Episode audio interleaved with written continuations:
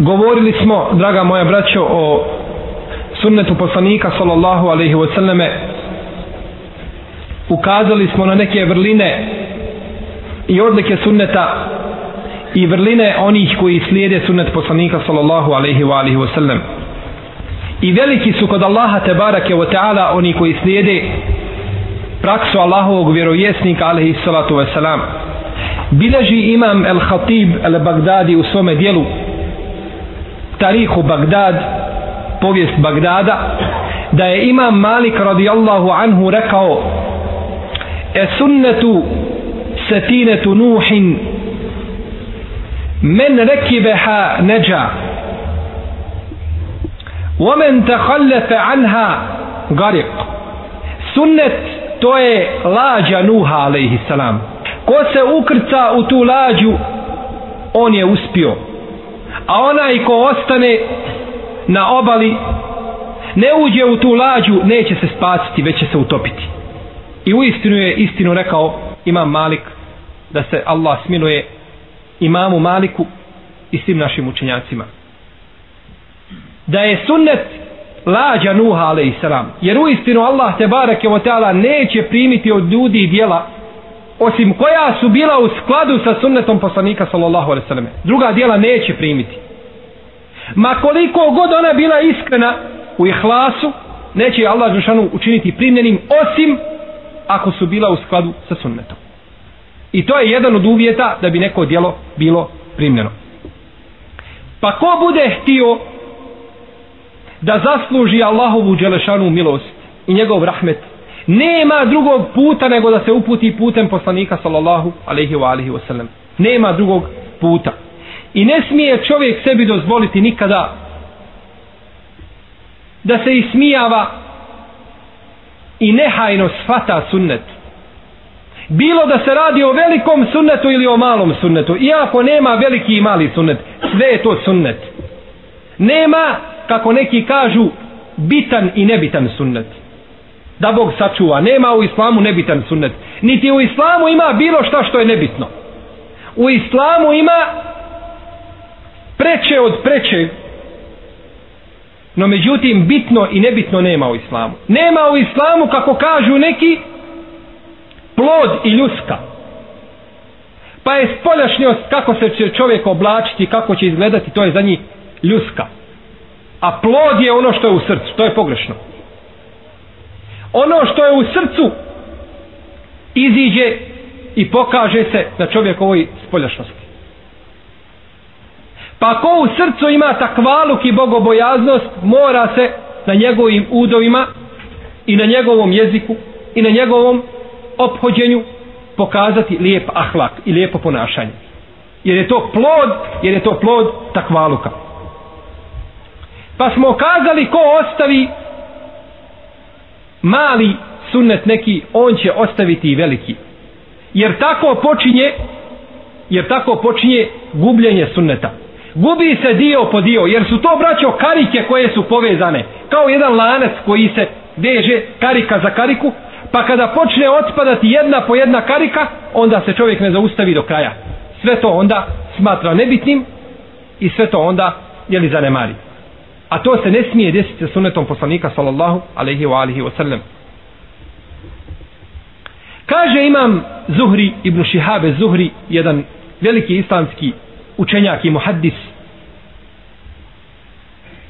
Kaže ušao sam jedne prilike u jednu od džamija u Dimešku pa sam zatekao Enesa ibn Malika u toj džamiji sjedi Enes ibn Malik radijallahu anhu a imame Zuhri je bio iz skupine poznih tabijina.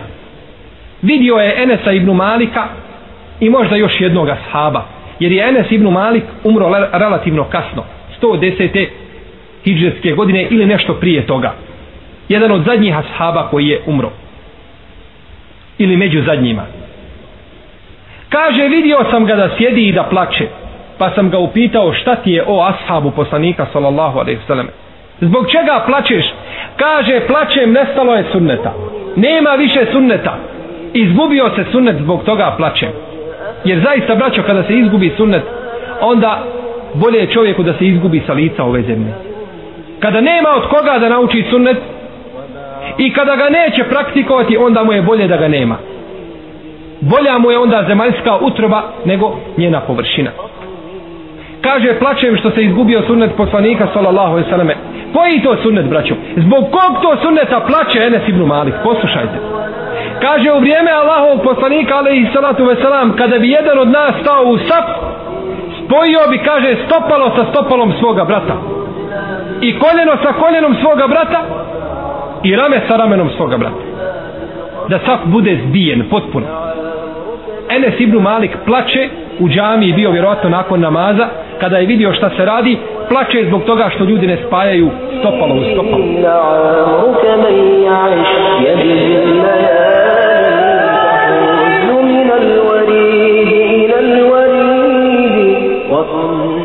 I predaje o spajanju stopala u stopalo bilježi imam Buharija u svome sahihu od Enesa ibn Malika i Ebu Darda radijallahu anhu. Da se ashabi u namazu spajali stopalo u stopalo i članak u članak, koljeno uz koljeno i tako dalje. I kod Ibnu Huzeime se također nalaze ove predaje u nešto proširenom obliku. Kaže, izgubio se sunnet. U vrijeme poslanika, sallallahu alaihi sallam, tako smo postupali. A kaže da danas nekome tako učiniš, kome, braćo? Kome, kome, o kome on to govori? Govori o tabijinima. Jer ti ljudi koji su ga vidjeli u džami, oni su tabijini. Dok su jedan put vidjeli Enesa ibn Malika, i bili muslimani kada su ga vidjeli smatraju se tabinima. Kaže da jednom danas čovjeku tako uradiš kaže vidio bi ga u safu kao uznemirenu mazgu. Tačno tako kaže. Kao uznemirenu mazgu bi ga vidio. Zbog čega ti približavaš svoje stopalo ovome stopalo? Šta ti to hoćeš od mene? Stani u saf i umiri se. Ne, u safu se stoji onako kako su ashabi stojali stopalo u stopalo, koljeno uz koljeno i rame uz rame. U vjerodostojim predajama kod Buharije i kod muslima. Poslanik sallallahu alaihi wa sallam nas je, draga moja braća, obavijestio da će se sunnet gubiti. Da će sunnet, da će se habati i izlaziti iz prakse. Neće ga ljudi praktikovati. Osim kod jedne skupine ljudi. Jedna skupina ljudi će uvijek držati do sunneta. Neće sunnet nikada nestati sav pa da ga nema do jedne određene granice. Doći će vrijeme, kako je naš Selef govorio, da neće niko imati koga pisati šta je, da li je neki postupak sunnet ili nije sunnet. To je pred kraj svijeta. Ali do tada će uvijek jedna skupina biti na istini, držeći se sunneta poslanika sallallahu alaihi wasallam. Kako kaže Allahov poslanik alaihi sallatu wasallam u hadisu koga bileže Buharija i Muslim, La tezalu taifetum min ummeti zahirine ala l'haq la yadurruhum men khalafahum hatta yati amrullah. Jedna skupina od moga umeta će ostati na istini na pravom putu. Neće im naškoditi oni koji se sa njima razilaze koji o njima ružno govore koji se protiv njih bore neće im naškoditi. Oni će ostati na istini sve dok ne dođe Allahova dželešanu odredba. Šta je ovdje Allahova odredba? Razli, ovdje se razilaze mu fesiri šta znači, odnosno komentatori hadisa, šta znači Allahova odredba. Neki kažu da je to pojava deđala, neki kažu da je to izlazak sunca sa zapada, neki kažu da je pojava Isa, neki kažu da je pojava sudnjeg dana i tako dalje, nastupanje sudnjeg dana. Razilaze se. Ali sve to znači ukazuje do pod, pred kraj sudnjega dana. Pa upitali, u jednoj predaji kod imama Ahmeda stoji da su upitali ashabi poslanika sallallahu alaihi sallame A ko su oni, o Allahu poslaniće? Ko su ti ljudi? I gdje su?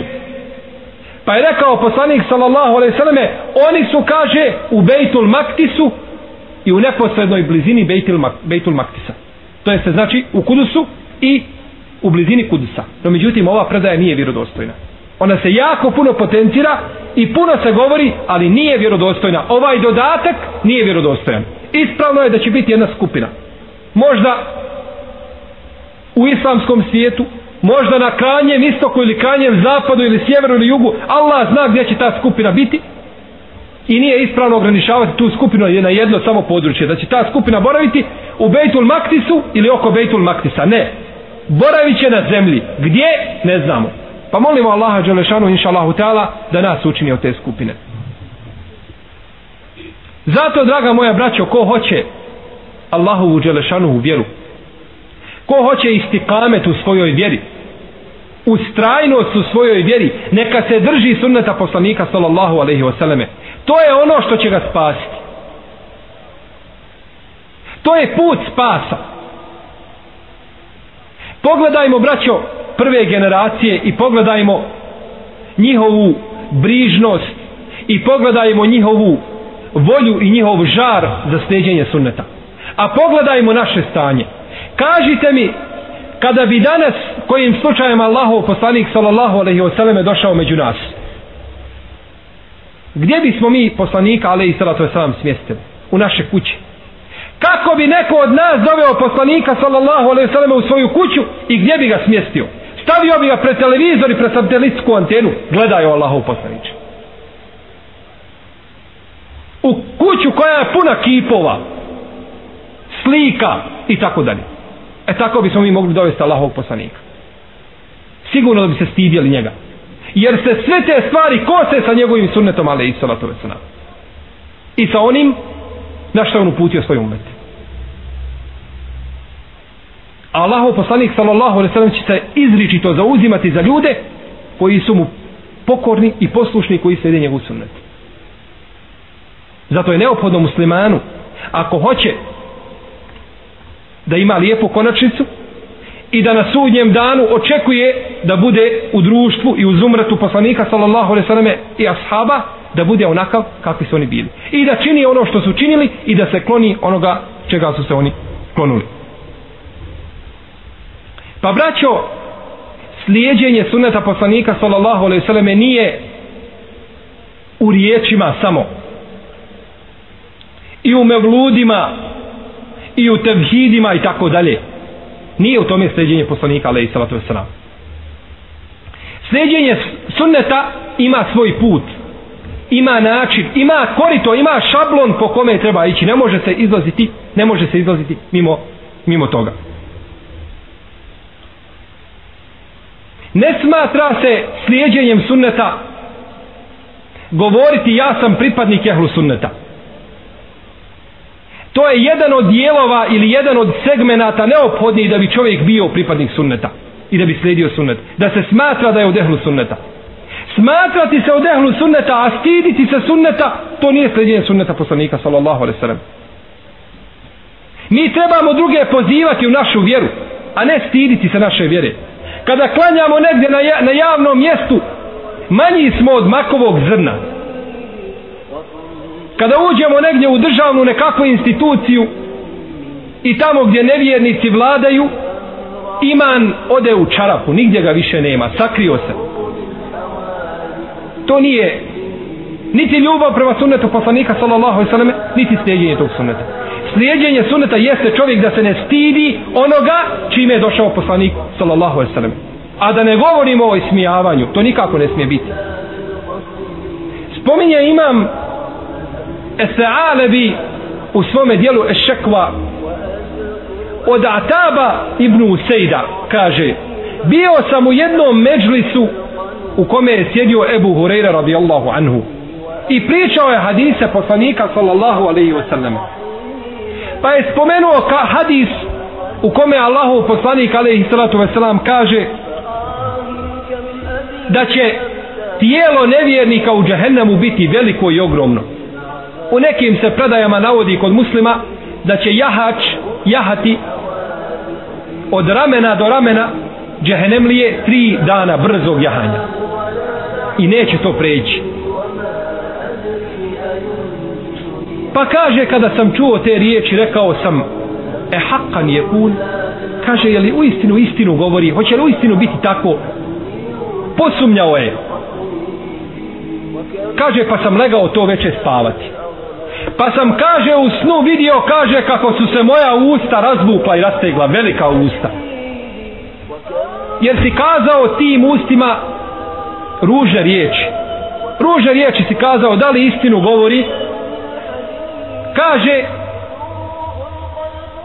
i vidio sam čovjeka koji sjedi i za mene kaže i udara me kaže u leđa i viče kaže ete stehziju bi sunneti nebiji sallallahu alaihi wasallame. Kaže zar se ismijavaš sa sunnetom Allahovog poslanika alaihi salatu wasalam ovakva ti kaže kazna pripada. Pa kaže pa me udarao po leđima. Kaže pa mi nikad više u životu nije nampalo da se ismijavam sa sunnetom poslanika sallallahu alaihi sallam niti da sumnjam u njega. Ovo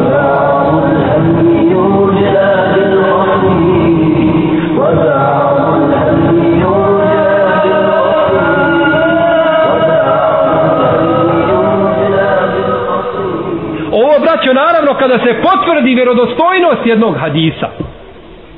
Bilo da se radi o riječju o riječi ili dijelu. Kada se potvrdi vjerodostojnost padaju u vodu riječi svih drugih ljudi. Svih drugih ljudi. Salim ibn Abdillah ibn Omer ibn Khattab to je unuk Omer ibn Khattaba sin ibn Omera je imao običaj govoriti kada mu neko kaže pa dobro jeste tako je ti kažeš da je tako sunnet ali taj i taj je rekao tako. Pa kaže sunnetu nebiji sallallahu alaihi wa sallam e haqqu en tu tebe kaže sunnet poslanika alaihi sallatu wa je priječi da se slijedi od svega drugog. Kako bilježi vam Buharija u svome dijelu rafa u ljedejni sunnet poslanika sallallahu alaihi wa sallam je priječi da se slijedi od bilo čega drugog.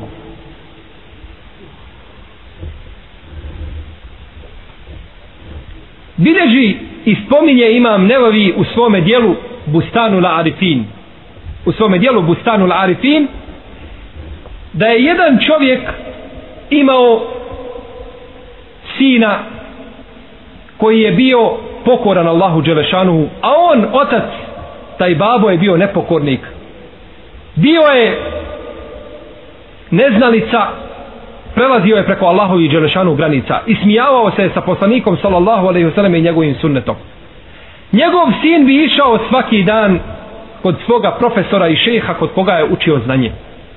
Pa kada bi se vratio taj babo njegov bi ga pitao šta te je to danas poučio šejh i smijava se taj zločinac sa poučavanjem vjere i sa svojim sinom i sa tim profesorom. Pa kaže čemu te je te poučio danas šejh?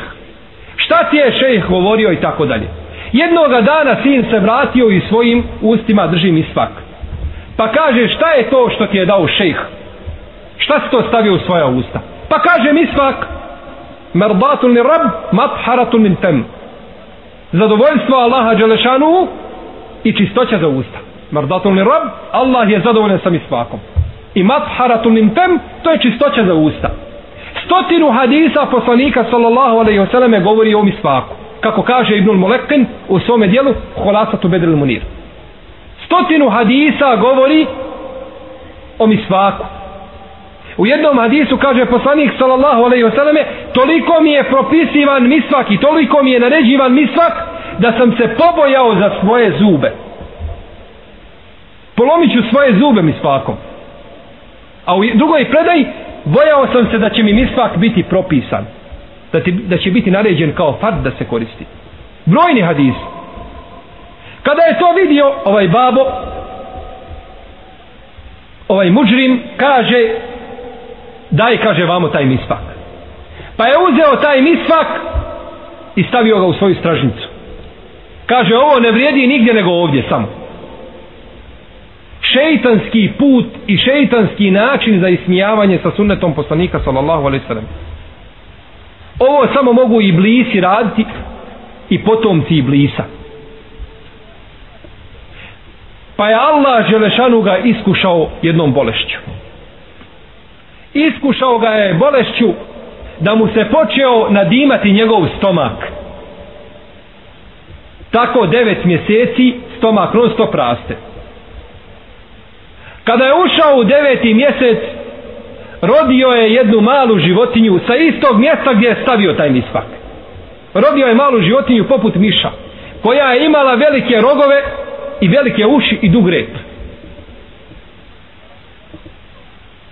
Pa je došla njegova kćerka starija i bacila jedan veliki kamen na tu životinju i ubila je. Pa je i babo odmah nakon jednog dana umro za tom životinjom. Pogledajte kako Allah te barak je otala kazni čovjeka koji se ismijava sa sunnetom poslanika sallallahu alejhi ve selleme još na dunjalu. Prije vatre ahiretske i prije džehennema. A u džehennemu mu onda prestoji prava prava kazna. Ne dozvoljava, braćo moja, uzvišeni Allah te barak je otala da se i koji smijava sa sunnetom poslanika sallallahu alejhi ve selleme. To ne dozvoljava nikome. Bilo da se radi o sunnetu koji je vađib u svome propisu ili koji je mustahab ne dozvoljava Allah Žešanu da se čovjek s otim ismijava. Nikako.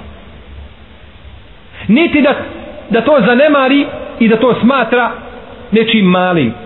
Da čovjek smatra da je sitnica da se popuni sap i da se zbije sap.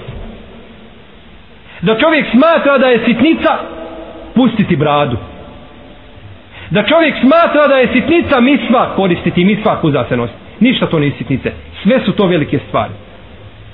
Sve je to ono zbog čega uzvišeni Allah te barake utala nagrađuje, obilno nagrađuje svoje robove. Zato, braćo, kad nam dođe hadis od Allahovog vjerovjesnika, alaihi salatu veselam, nemojmo se okrećati drugim riječima i nemojmo paziti šta govore drugi kada se potvrdi ispravnost nekog hadisa i da nije dokinut tu padaju u vodu sve druge riječi riječi svih drugih ljudi. Kako bilježi imam Buharija u svome dijelu Refa ljedejni od Mujahida radijallahu anhu da je rekao od svakoga se prihvataju riječi i vraćaju osim riječi poslanika sallallahu alaihi sallame one se prihvataju uvijek jer su neprikosnovene. Uvijek se prihvataju.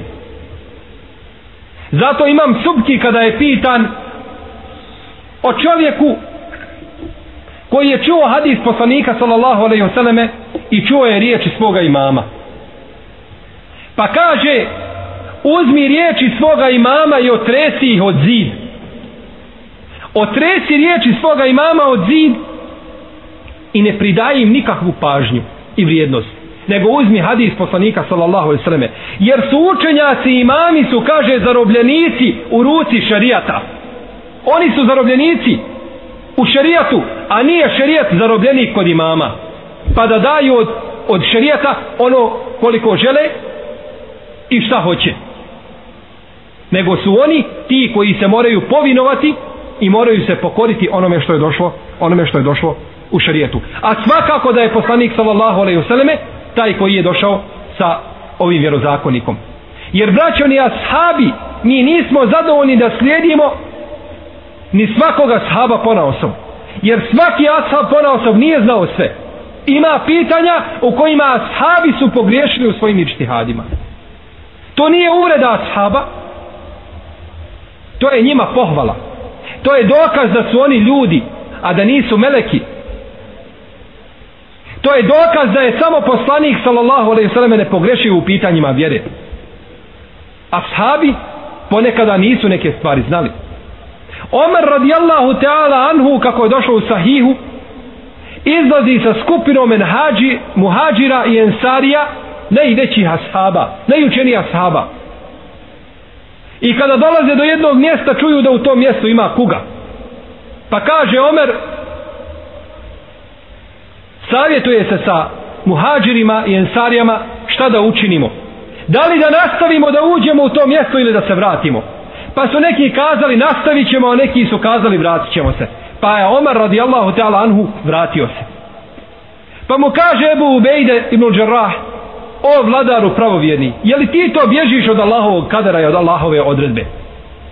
Kaže o Ebu Ubejde da je to neko drugi rekao mimo tebe. Ja bježim od Allahove odredbe u Allahovu odredbu. A kuda to čovjek može u stvari pobjeći? Od Allahove odredbe. Nego opet u Allahovu odredbu. Kada je došao u Medinu, pitao je ashabe, zna li neko nešto, je li čuo od poslanika sallallahu alaihi sallame o kugi? Pa kaže Abdurrahman ibn Auf, znam ja. Čuo sam ja poslanika sallallahu alaihi selleme da je rekao, kada neko od vas čuje da u jednom mjestu ima kuga, a on van tog mjesta, neka ne ulazi u njega znači onako kako je Omer radijallahu anhu postupio. A kada čuje i kada se pojavi u jednom mjestu kuga, a on se nalazi u tom mjestu, neka ne izlazi od tog mjesta do kuga u potpunosti ne prođe i ne nestane. braćo moja, Omer radijallahu anhu sa najvećim ashabima, niko nije čuo taj hadis. Jesu li znali ashabi sve? Nisu. Svi ashabi su znali sve, jer su ashabi prenijeli vjeru. Kod sviju ashaba je vjera, a nije kod jednog ashaba pona osoba. Jer nema ni jednog ashaba da je znao sav sunnet i da je sve hadise pokupio i su praksu. Ne. Ibn Omer radijallahu anhu je došao u Basru kada se sveo sa Sadom kada je vidio Sada da potira po svojim mestoma pitao ga, kaže šta to činiš, kakav je to abdest u vrijeme hilafeta Omera pa mu kaže sad kada se vratiš u Medinu pitaj svoga babe kakav je ovo abdest pa se vratio u Medinu pa je zaboravio pitati svoga oca Omera radijallahu anhu. U vrijeme, u vrijeme hilafeta Omera radijallahu anhu, nakon smrti poslanika sallallahu alaihi sallame, Ibn Omer koji je bio jedan od najžešćih ashaba u sljeđenju sunneta, ne zna da se potira po mestoma. To je osnovna stvar u taharetu i ibadetima. Abdest, kako se uzima, Ibn Omer to nije poznavao. Pa kada je upitao svoga babu Omera, rekao, jeste, poslanik sallallahu alaihi sallam je dozvolio, putniku da potira tri dana i tri noći, a čovjeku koji boravi u svome mjestu boravka dan i noć.